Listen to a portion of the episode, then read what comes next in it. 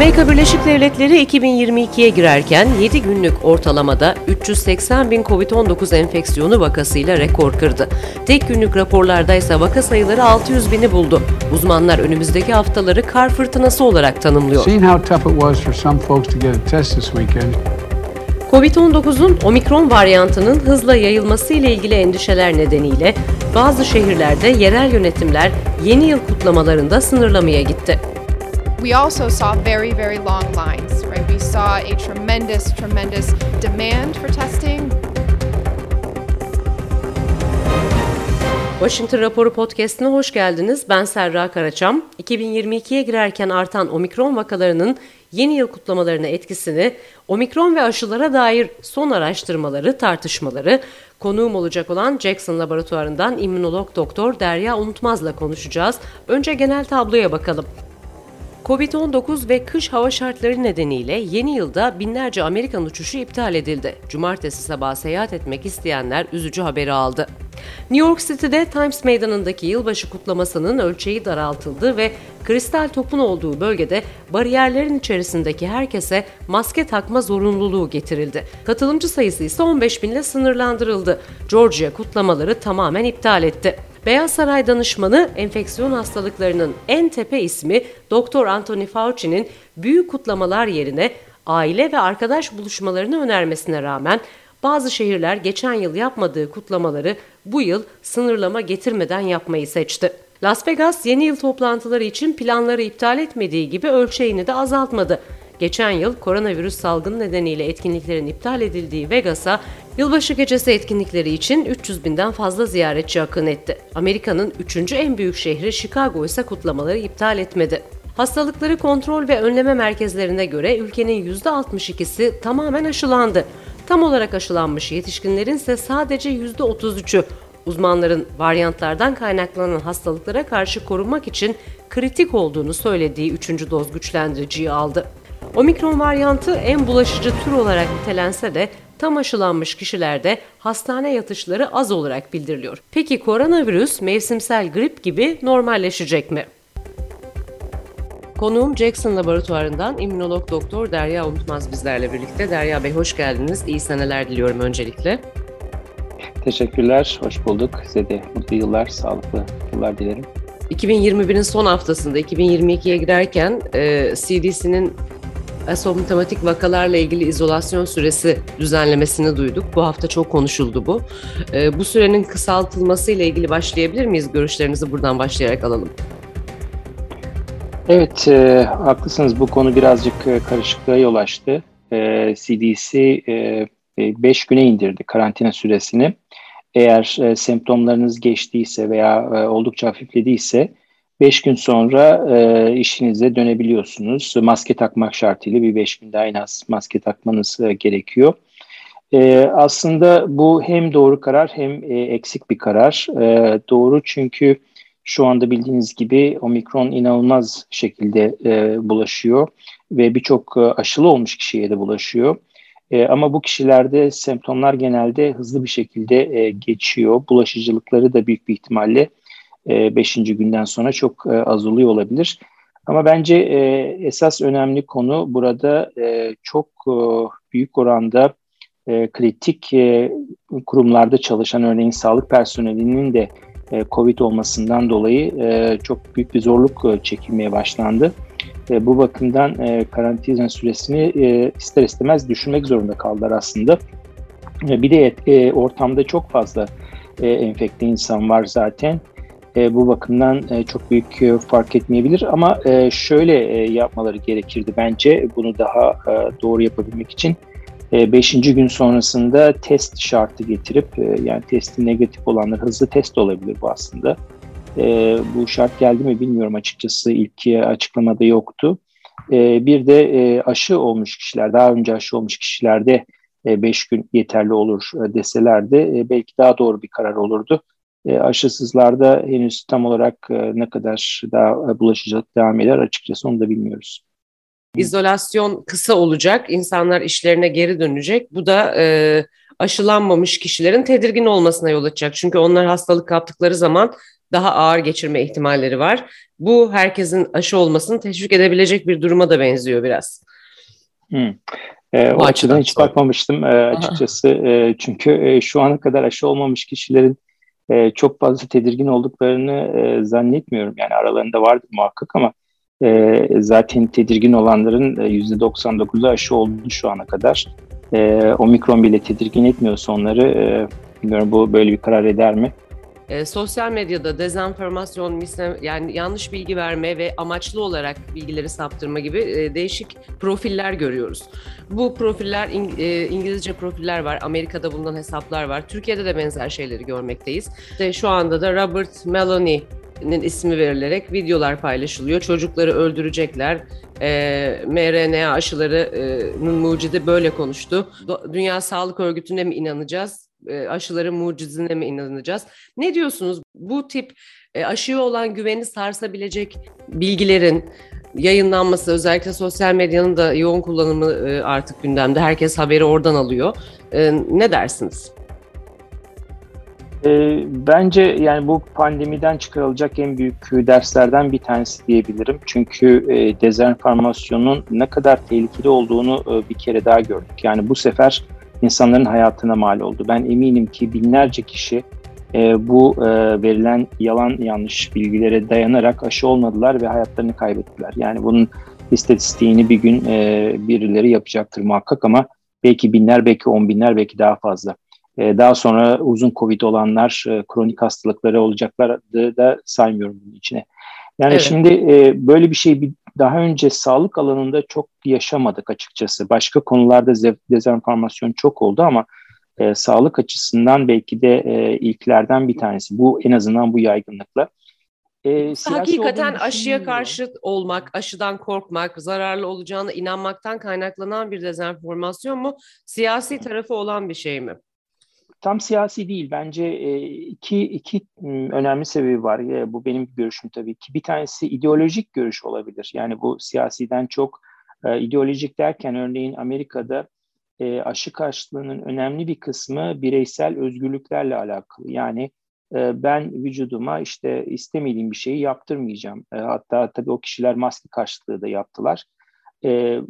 devletin zorlamasıyla bana bunu yaptıramazsın e, bu benim bireysel özgürlüğümdür e, şeklindeki bir ideolojik e, bölüm var. Tabii bunun siyasal tarafı Amerika'da e, Cumhuriyetçilerin e, çok desteklemesinden dolayı bir siyasal tarafı da var. Yani bu e, bu gibi durum Cumhuriyetçiler arasında çok daha fazla. Siyaset ee, hemen entegre oluyor zaten. Bir kaygıyı gördüğü zaman ona çözüm üreten strateji e, geliştirip oradan beslenerek oy için bu zaten doğası gereği değil mi siyasetin? Evet, e, kesinlikle yani e, aslında e, tabii ki çok popülist bir e, yöntem oluyor. E, ikinci ana bence sebep de aynen bu.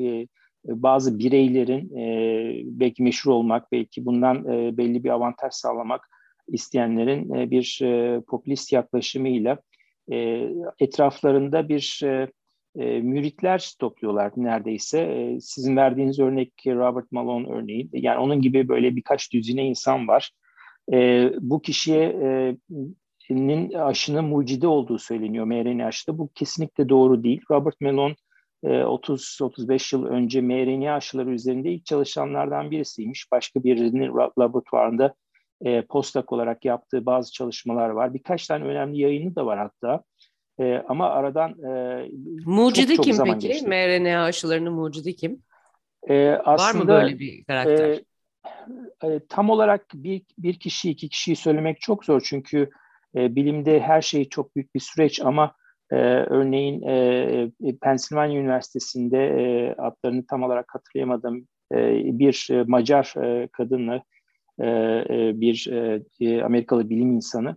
Onların yaptığı 20 yıl önce yaptığı deneyler çok önemliydi. Yani bunları mucit demekten çok e, bu böyle bir şeyin e, mRNA'nın e, hücrenin içine girebilip e, aşı olabilecek kapasitede olduğunu ilk gösterenlerdendi. Ama tabii ondan sonraki süreçte aslında çok daha önemli e, gelişmeler olması gerekiyordu. Çünkü bunu 20 yıldır böyle bir potansiyeli biliyoruz ama diyeceksiniz ki niye 20 yıl sürdü e, bunu geliştirmek? Çünkü e, oradaki en önemli kritik nokta o mRNA'nın vücuda verildikten sonra parçalanmadan yani kendi kendini yok etmeden e, rahat bir şekilde hücrenin içine girebilmesi ve hücreyi de e, bir şekilde sinyal vererek bağışıklık sistemini uyarması. Yani onun içinde o mRNA'nın bir e, e, e, nanopartikül dediğimiz bir paketlenmesi gerekiyordu. O teknolojiyi geliştirmek e, çok zaman aldı. Yani bunu hem Moderna'da yaptılar hem BioNTech'te e, Uğur Şahin, e, Özlem Türeci onlar aslında bu konuda da yıllardır çalışıyorlar. Onlar da 10-15 yıldır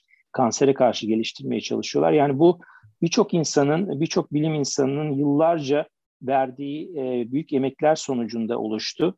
E, örneğin e, bu spike protein dediğimiz yani virüsün arkasındaki bu yüzeyindeki anahtar kısmı ki bu paketleniyor. Onun kodu mRNA sonuçta. E, e, o e, kodun proteine dönüşmesi için stabil hale gelmesi lazım ve hücre yüzeyinde bağışıklık sistemine gösterilmesi gerekiyor. Orada çok kritik iki tane amino asit dediğimiz parça var. E, o parçayı e, bulan e, Çinli bir bilim insanı var örneğin. E, bunu uygulayan benim de ilk hocalarımdan olan Barney Graham NIH'te e, başka e, RSV dediğimiz bir e, virüse karşı geliştirip göster gösterenler var. E, yine e, influenza'ya karşı bunun olabileceğini, böyle bir proteinin e, mRNA şeklinde e, iletilebileceğini yani e, aslında o kadar çok parçalar var ki, o kadar çok katkısı olanlar var ki tabii bir de bunun üretim süreci var. Bunları çok yüksek miktarda Hı-hı. üretebilmek var vesaire. E, yani bu e, Robert Malone e, ilk zamanlarda e, birkaç tane önemli e, tabii ki katkısı olmuş ama onun gibi e, Şu anki görüşleri belki... aşıya dair e, yeni taze konuşmalardan mı oluşuyor? Ta- takip ediyor musunuz? Bu mRNA aşısıyla ilgili paylaşımlar var. Ne zaman nerede yapıldığı belli olmayan konuşmalar çoğu. E, sosyal medyada görüyoruz bunları. Yoksa aşıyla ilgili e, konuşmaları şu an yeni yaptığı bir çalışmaya neye dayanıyor yani bu uyarılar? E, aslında Çocuklar için e, örneğin. Biraz e, kendisi e, bu konuda e, yeterince ona kredi verilmediğini belki e, düşünen bir kişi e, gibi geliyor. Çünkü e, uzun yıllar bir şirkette çalışmış. O şirkette bazı e, firmada geliştirilmeler yapılmış. E, e, onlar e, kendisinin yaptığını söylüyor. E, kendi yaptığı hiçbir çalışma yok. Yani bu mRNA aşılarının zararlı olabileceğini söyleyebilmek için elinde kendisinin veri yok. E, veri yok. Başkalarının da verisi yok aslında. E, bu tamamen e, bir e, spekülasyona e, dayalı. E, ama bir de şöyle bakmak lazım. E, velev ki söyledikleri doğru spekülasyonlar. Veri olacak kadar doğru. zaman da geçmedi değil mi? Çünkü çocuklar evet. yeni aşılanmaya başlandı zaten. E, yani şöyle aslında çok zaman geçti. Yani e, 1 milyar dozdan fazla insana e, mRNA aşısı yapıldı. Yok çocuklar ee, için yani çocuklar için ön çalışmaların dışında aşıdan sonra uzun bir süre geçmediği için e, diyorum. Uzun yıllar takip edilerek yapılabilecek bir çalışmadan bahsediyorum. Şimdi e, onu da biraz açmak lazım. Yani Tabii, aşıda evet. e, uzun yıllar takip gerekmiyor. E, çünkü e, aşının e, amacı bir yerde bağışıklık sistemini eğitmek. Yani ilaçlardan farklı bir durum. Çünkü ilacı veriyorsunuz, ilaç bir şeyi değiştiriyor vücudunuzda veya bir şeyin dengesini e, farklı hale getiriyor.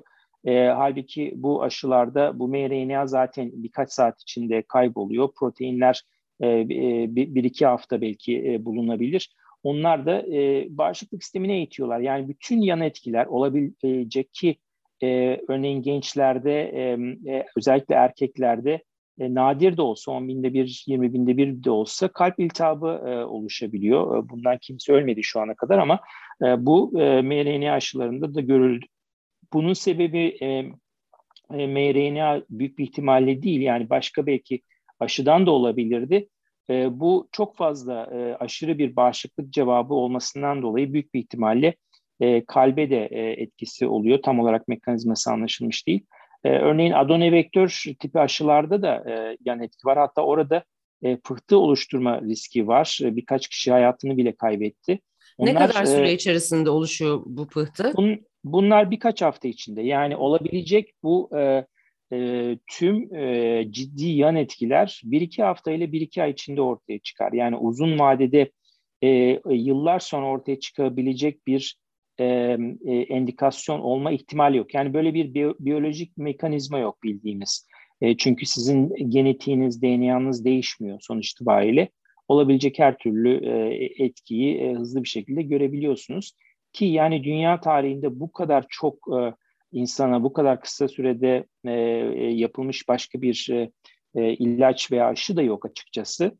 Yani olabilecek her türlü e, yan etkiyi şu ana kadar belirlemiş durumdayız. Şöyle bir durum olabilir yani milyonda bir e, hiç ummadığımız bir yan etki olabilir. Birisinin genetiğinden dolayı ama şöyle söyleyeyim yani yediğiniz herhangi bir şeyden, içtiğiniz herhangi bir şeyden de bu olabilir. Yani böyle bir şanssızlığınız varsa e, başınıza bir e, göktaşı düşmesi gibi.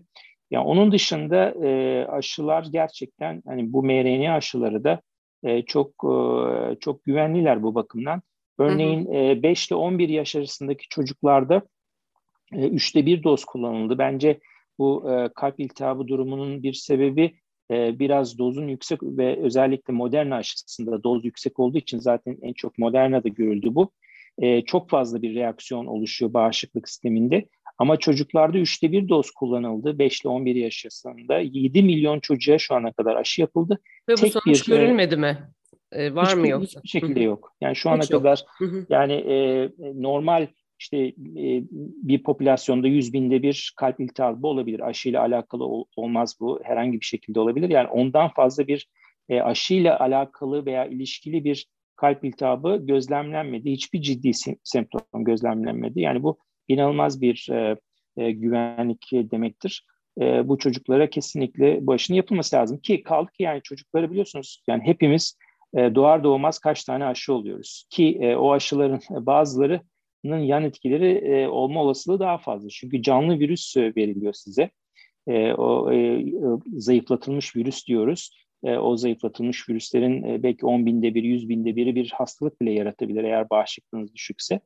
E, bu tabii e, bence e, özellikle mRNA dendiği zaman örneğin aşı karşıtları o sıvı diyorlar. Yani bu çok ilginç bir psikolojik bir durum. Tabii benim uzmanlık alanım değil ama birilerinin araştırması lazım. Yani bir hap şeklinde olsaydı aynı şey e, farklı mı olacaktı? Yani bir sıvı veriliyor e, deniyor. E, o oradan bir e, tedirginlik yaratılıyor e, veyahut da burnunuza bir e, e, püf püf şeklinde verilseydi aynı aşı farklı mı olacaktı? Yani bunun e, hiçbir bilimsel e, şeyi yok, tabanı yok.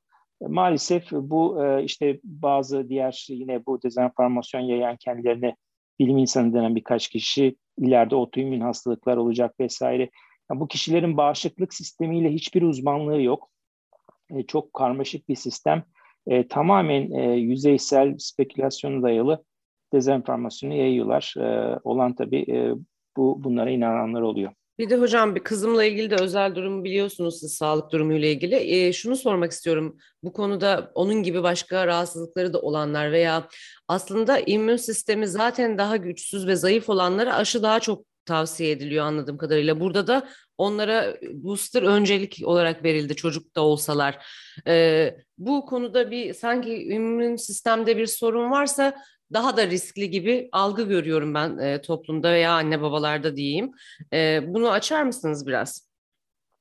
E, yani e, aşılar bakımından soruyorsunuz e, aşı e, tam tersi yani evet. o, tam dediğiniz gibi e, bizim de aslında bu, bu konuda çalışmamız var e, yayınımız dahi var. E, örneğin bağışıklık bastırıcı e, ilaç kullanan e, çocuklarda bu anti-TNF dediğimiz ilaç kullanılıyor veya metotrexate. Bazı Benim otoimmün hast- değil ama biliyorsunuz FMF'imiz var ama bu tip evet. hastalarda da kaygı görüyorum ben. Buyurun.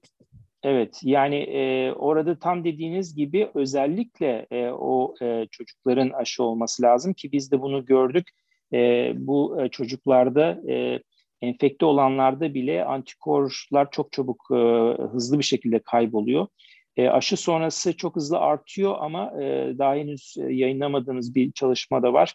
E, başkaları da bunu görüyorlar. E, bu çocuklarda daha hızlı kayboluyor antikorlar. Ki daha sık aşı karşı... olmaları mı gerekecek o zaman? E, e, onların e, ekstra doz aşı olması çok önemli. Yani kesinlikle üçüncü dozu zaten olmaları gerekiyor.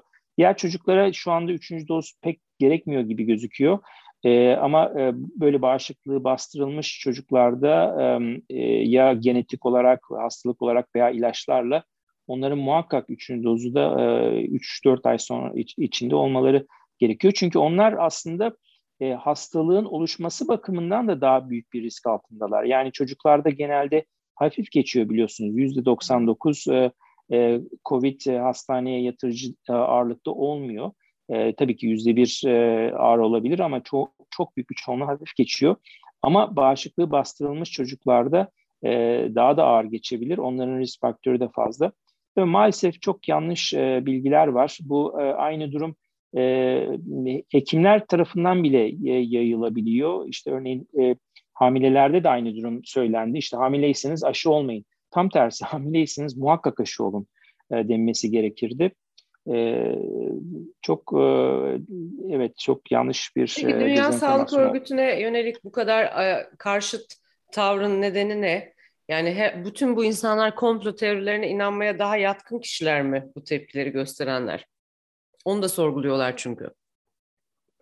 E, tam anlayamadım. Dünya Sağlık Örgütü'ne... E, Dünya Sağlık Örgütü'ne karşı tepkileri var. E, bu tip komplo teorilerini yayan veya inanan kesimlerin gördüğümüz kadarıyla. Yani bir organize şekilde e, belirli bir amaç için bunun yayıldığını, aşının işte birilerinin bir planı olduğunu inanıyorlar ve burada da sürekli Dünya Sağlık Örgütü'nü de hedefe koyarak yapıyorlar bunu. Bunun nedeni ne evet. sizce? Yani e, tam olarak nedenini bilemiyorum çünkü onlar genelde herkesi e, aşıları e, savunan herkesi hedefe koyuyorlar yani biz de dahil olmak üzere e, çok e, bilim insanları işte Bill Gates'i koydular Tony Fauci Amerika'da e, ki bu aşı konusunda veya pandemide en çok emek sarf eden kişilerden birisi ölüm tehditleri dahi aldı. E, Dünya Sağlık Örgütü bu pandemiyi çok iyi e, yürüttüğünü söyleyemeyeceğim. Yani onların da yaptıkları çok yanlışlıklar oldu ama e, e, kesinlikle aşıları savunan özellikle developing yani gelişmekte olan ülkelere aşıların yayılması için çok büyük bir çaba sarf eden bir kurum. E, ona rağmen e, neden onu hedef gösteriyorlar? Yani biri, tabii ki birilerini hedef almaları gerekiyor. E, bir düşman yaratılması gerekiyor. E, bu da ya bilim insanları oluyor. E, yani Bill Gates örneğin e, belki dünyada e, en fazla insan hayatı kurtaran kişilerden bir tanesi. E, çok ironik olarak e, onun bu e, aşıları bir şekilde kendi menfaati için e, çıkardığını, yaydığını söylüyorlar e, ki e, Bill Gates e, e, şu anda varlığının neredeyse yarısını, e, o milyarlarca doları insanların aşılanması, kurtulması için birçok hastalıklardan çocuk felci gibi harcamış bir kişi. Bence bu tamamen birileri oturuyor belki evinde akşamüstü bir komplo teorisi yazıyorlar. İşte bir hikaye yapıyorlar. Oraya da birilerini koyuyorlar. Biraz inandırıcı olması için. E, tamamen durum böyle maalesef. Anladım. E, Dünya Sağlık Örgütü'nün bir de hedefi var global aşılanmayı sağlamak için. E, Latin Amerika'da ilginç şekilde bazı ülkeler e, aşılanmada başarılı olduğu aşılanma oranı toplumun. E, bazı ülkelerde durum kötü. Orta Doğu'da e, Birleşik Arap Emirlikleri'nde herhalde çok yüksek. Onun dışında e, genel olarak e, düşük gibi görünüyor. Bu hedef tutturulabilecek mi sizce? E, kısa sürede tutturulabilir mi açıkçası bilmiyorum. Yani çünkü sadece aşıların e, dağıtılmasıyla iş bitmiyor. E, o aşıların uygulanması e, yani orada lokal lojistik e, sorunlar da var. Yani bu sorunları aslında e, yine e, Bill yaptığı e, çalışmalarda da gördük. Bazı bölgelere e, aşı ulaştırmak ki bu e, ülkelerde de çok büyük bir aşı kaçtığı var aslında. E, gelişmekte olan e, ülkelerde, Afrika'da olan fakir ülkelerde vesaire. Örneğin e, Güney Afrika'da e, e aşı olmasına rağmen çok fazla kişi aşı olmadı. E, bir de şöyle bir durum var. Yani omikronla birlikte çok fazla vakit kalmadı açıkçası. Yani e, omikron inanılmaz bir şekilde yayılıyor. E, önümüzdeki birkaç ay içinde belki e, dünya nüfusunun üçte birini, belki yarısını enfekte etmiş e, olabilir. E, zaten bu şekilde de bir yerde insanlar e, zorunlu aşılanmış gibi belli bir sürü bağışıklığı da oluşacak. E, ama tabii ki e, ne kadar çok kişiye özellikle risk faktörü olanlar aşılanırsa e, hem ölümler hem de e, sonrası oluşacak yan etkiler önlenmiş olur. Evet, e, ama kolay bir durum değil. Temel konumuz omikron olacaktı. Yeni yıl kutlamalarına etkisi hızlı yayıldığı için. E, ama sizi bulmuşken ben genel olarak sormak istediğim ve e, dinleyicilerin de daha çok merak ettiğini düşündüğüm konuları hemen dile getirmek istedim. E, şimdi omikron daha hızlı bulaşıyor. Bunu biliyoruz. E, aşılanmış kişilerde semptomların hafif geçtiği söyleniyor. Fakat tam tersini yaşayan full aşılı insanlar da görüyoruz. E, bu gibi verileri nasıl okuyorsunuz? Ne dersiniz be omikron için?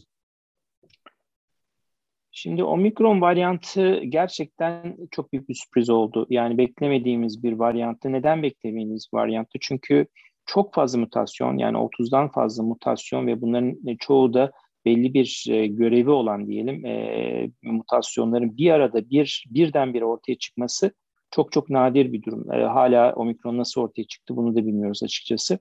E, ve bu mutasyonlar aslında e, iki tane e, önemli görevleri var. Bir tanesi virüs açısından tabii ki söylüyorum. E, bir e, bir tanesi e, antikorlardan e, kaçabiliyorlar. Yani büyük bir ihtimalle bu omikron varyantı belli bir bağışıklığı olan bir kişide ama çok da iyi olmayan bir kişide e, devamlı seçile seçile o antikorlardan kaçmayı e, başaran mutasyonları biriktirmiş. E, bu ne demek oluyor? Yani bunları antikorları akıllı füze olarak e, düşünürsek e, bu füzelerin tam o virüsün can alıcı anahtar kısmına başak proteine bağlanması lazım. E, eğer siz bir, bir miktar virüs o kendini değiştirirse o bölümde e, akıllı füze orayı tanıyamıyor ve bağlanamıyor antikor. E, bu sefer etkisiz hale geliyor ve virüs hücrelerin içine girmeyi başarıyor. E, bu bakımdan e, iki doz Biontech olmuş kişiler bile e, e, çok büyük oranda e, enfekte olabiliyorlar. Veyahut da daha önce COVID geçirmiş kişiler, onlarda da bağışıklık oluşmasına rağmen ikinci enfeksiyonlar çok çok yüksek oranda. E, fakat e, tabii bağışıklık sadece akıllı füzeler veya antikorlardan oluşmuyor. E, yine de antikorların da etkisi sıfırlanmıyor. Yani belli bir etkileri var. E, virüsle karşılaşır karşılaşmaz arka planda bağışıklığın e, ordusu diyelim, e, T hücreleri var, başka mekanizmaları var. Bunlar harekete geçiriyorlar ve onlar bu varyantlardan, mutasyonlardan çok etkilenmeyen e, bir kısmı savunma sistemimizin. E, bir şekilde e, virüsün ilerlemesini durduruyorlar. O sırada da yeni antikorlar, yeni akıllı füzeler üretiliyor. Yani onların da kalitesi artıyor. Bu sefer omikrona bağlanan tipte olan oluşanlar daha hızlı bir şekilde oluşuyor. Bu bakımdan aşı olmuş kişilerde semptom oluyor. Çünkü virüsü e, o kalkan e, hücrelere girmeden durduramıyor. E, giriyor. E, zaten semptomların olması da sizin bağışıklık sisteminizin verdiği bu cevaptan dolayı, savunmanızın verdiği bir cevaptan dolayı.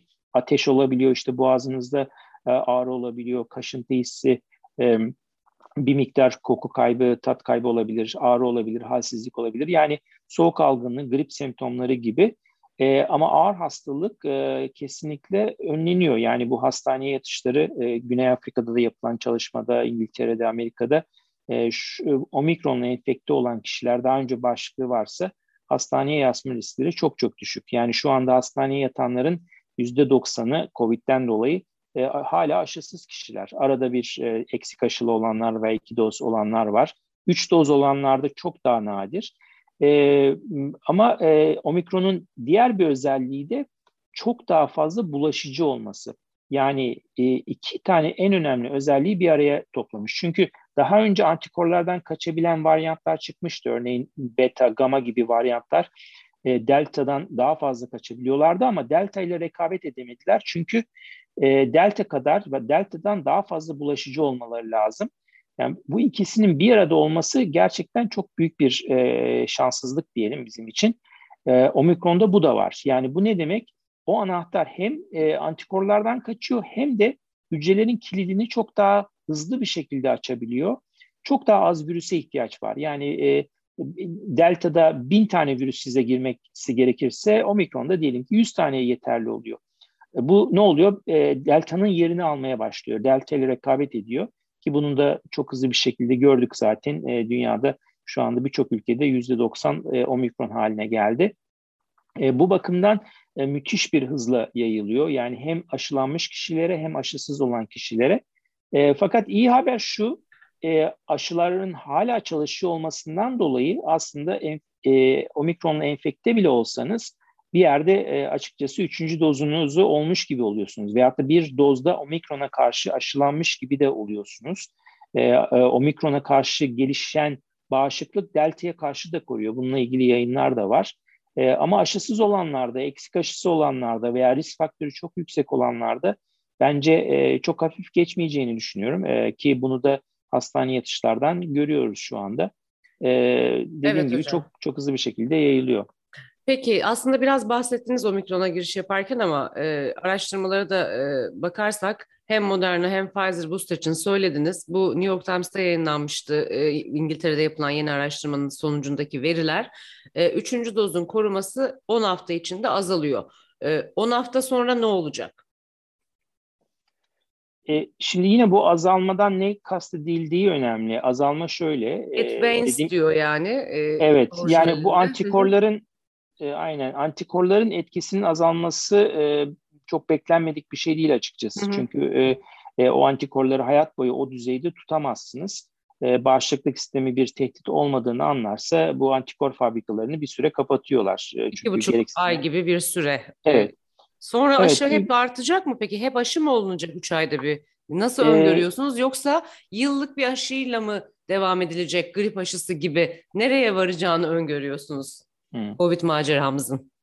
Evet, açıkçası yeni çok çok daha yeni bir varyant çıkmazsa e, bence bu e, aşılanmaya e, gerek kalmayacak. Çünkü e, dediğim gibi dünya nüfusunun çok büyük bir kısmı zaten omikronla karşılaşacak. Yani aşılı bile olsanız e, e, karşılaşacaksınız ve bu endemik hale gelecek. Endemik ne demek? Yani pandemikten farkı endemik bir soğuk algınlığı gibi. Yani şimdi dünyada her yıl milyarlarca insan soğuk algınlığı virüsleriyle enfekte oluyorlar ama bu pandemi e, sayılmıyor. Çünkü e, bir, bir şekilde soğuk algınlığı geliyor geçiyor. Nezle oluyorsunuz, biraz kırgınlık hissediyorsunuz veya gripte bile bu böyle aşısı olmasına rağmen çoğu insan aşı bile olmuyor o konuda.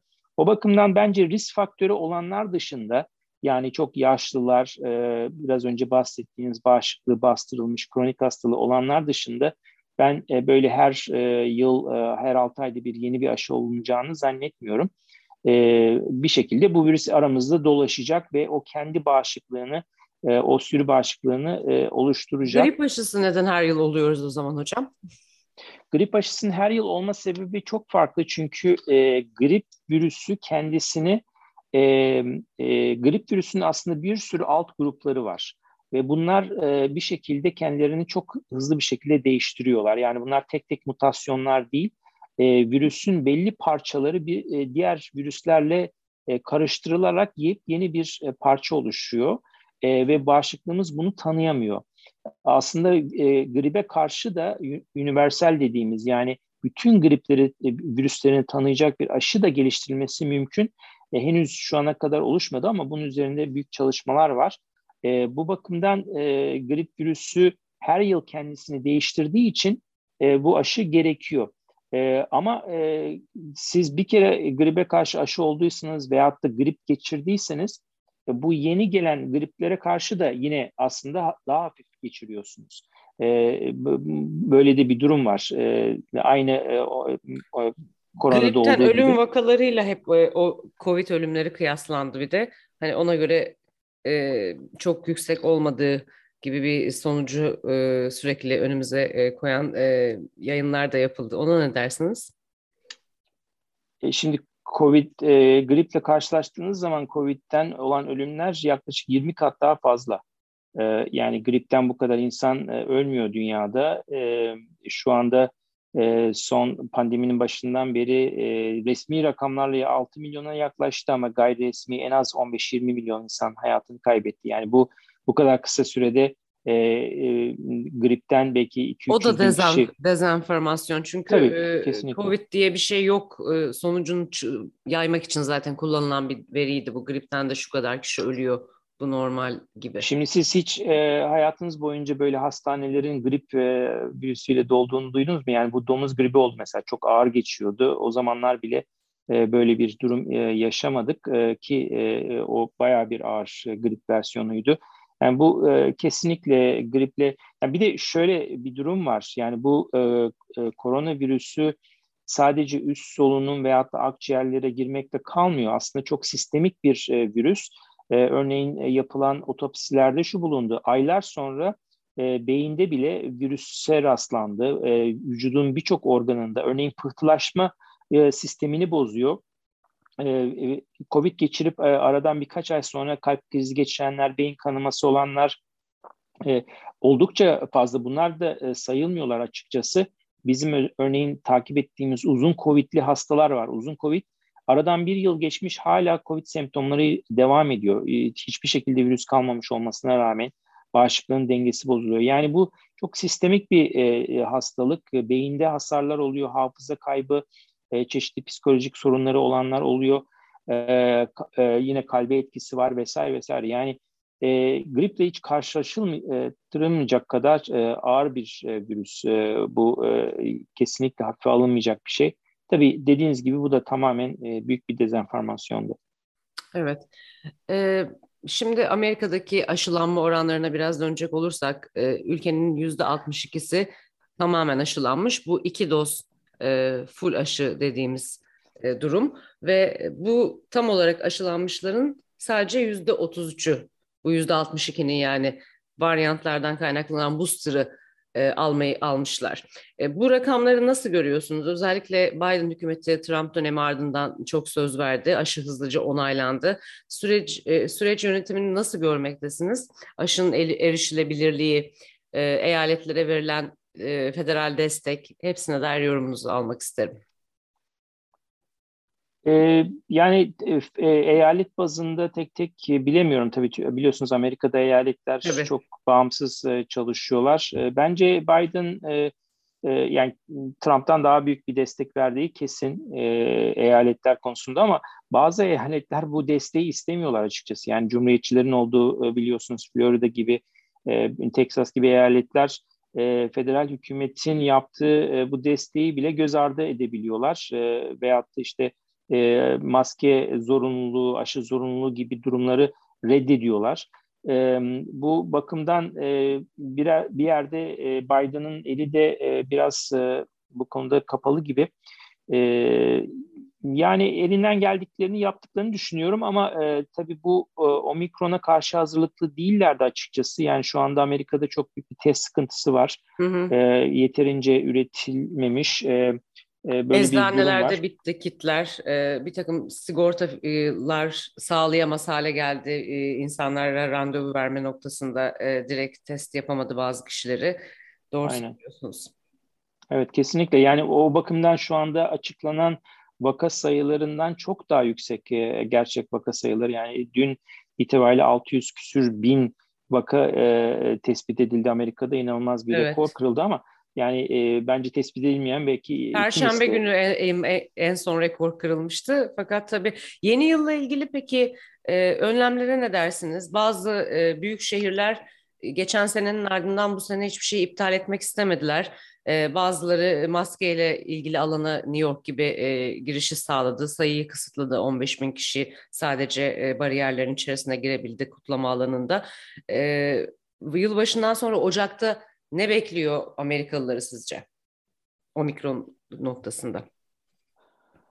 Yani e, bundan sonra kapanma olması tabii çok zor. Yani insanlar da bezmiş durumdalar, ekonomik durumlar vesaire gibi konularla da alakalı. E, bir de e, kapanmalarla artık bu virüsü durduramazsınız. Yani bunu dünyada yapabilen birkaç ülke oldu. Çin gibi. Bunlar, onlar sıfır Covid stratejisi gütmüşlerdi ki e, bunlardan bazıları örneğin Avustralya bu e, stratejiden vazgeçti omikronla birlikte. Şu anda e, Avustralya'da dün 30 bin vaka vardı ki bir iki ay öncesine kadar vaka sayıları 100-200 civarındaydı. çok sıkı tedbirler alıyorlardı. omikronu durdurmak gerçekten zor. Yani Çin bunu hala yapmaya çalışıyor. ama şöyle bir durum var. Yani bu virüsü bu hızla devam ederse birçok sistem çökebilir. Yani bunu Amerika'da işte uçakların e, iptal olmasıyla gördük. E, mürettebat Covid olunca binlerce uçak e, iptal edilmek zorunda kaldı. Sağlık sistemi e, çök, çökme noktasına gelebilir. Bazı hastanelerde yeterince doktor e, yok şu anda. E, bir kısmı Covid oluyor, e, bir kısmı artık burnout olmuş durumda. E, hastalar da çok fazla artabiliyor. Yani onu kontrol etmek gerekiyor. E, bence e, eğer bu şekilde devam ederse ve hastanelerin yükü artarsa büyük bir ihtimalle kısıtlamalar e, artacaktır diye düşünüyorum ama tam kapanma o pandeminin başındaki gibi e, çok zor. Çünkü şu anda bir de aşılar var. Yani açıkçası e, aşı olup da enfekte olanlar e, soğuk algınlığı düzeyinde geçiriyorlar. E, bu bakımdan e, belki de yine aşıları belki bu teşvik etmek için de yapılma, yapılmıyor e, bu tedbirler ama e, daha sıkı tedbirler gelebilir. Yani belli yerlere e, aşısız olmadan girmek veya daha e, uçaklara binememek gibi. E, biliyorsunuz Amerika'da bu gibi durumları uygulamak çok zor. Evet hocam çok vaktinizi aldım kıymetli vaktinizi. Son olarak tedavilerle ilgili gelişmelere dair birkaç cümle alabilirsem çok mutlu olurum. E, tedavilerde aslında çok önemli e, gelişme oldu. E, bu da bence çok önemli. E, iki tane ilaç FDA tarafından kabul edildi. Molnupiravir ve Paxlovid adında biri e, Merck'in ilki, diğeri de Pfizer'ın ilacı. E, Pfizer'ın ilacı özellikle çok çok etkili. E, %90 oranında ağır hastalığı önlüyor. %100'e yakın ölümleri önlüyor. E, şu anda zannediyorum e, bu haftadan itibaren e, hastanelerde uygulanmaya başladı. E, ki bunlar hap şeklinde evde alabiliyorsunuz. Yani antikorlar gibi hastaneye gidip e, enjekte edilmesine de gerek olmuyor.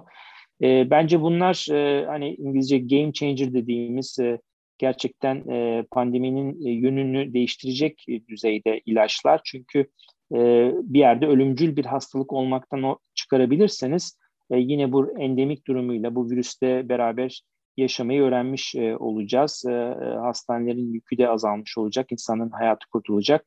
E, burada en önemli sıkıntı yeterince üretmek bu ilaçlardan çok hızlı bir şekilde. Maliyeti ee, nasıl bu ilaçların hocam?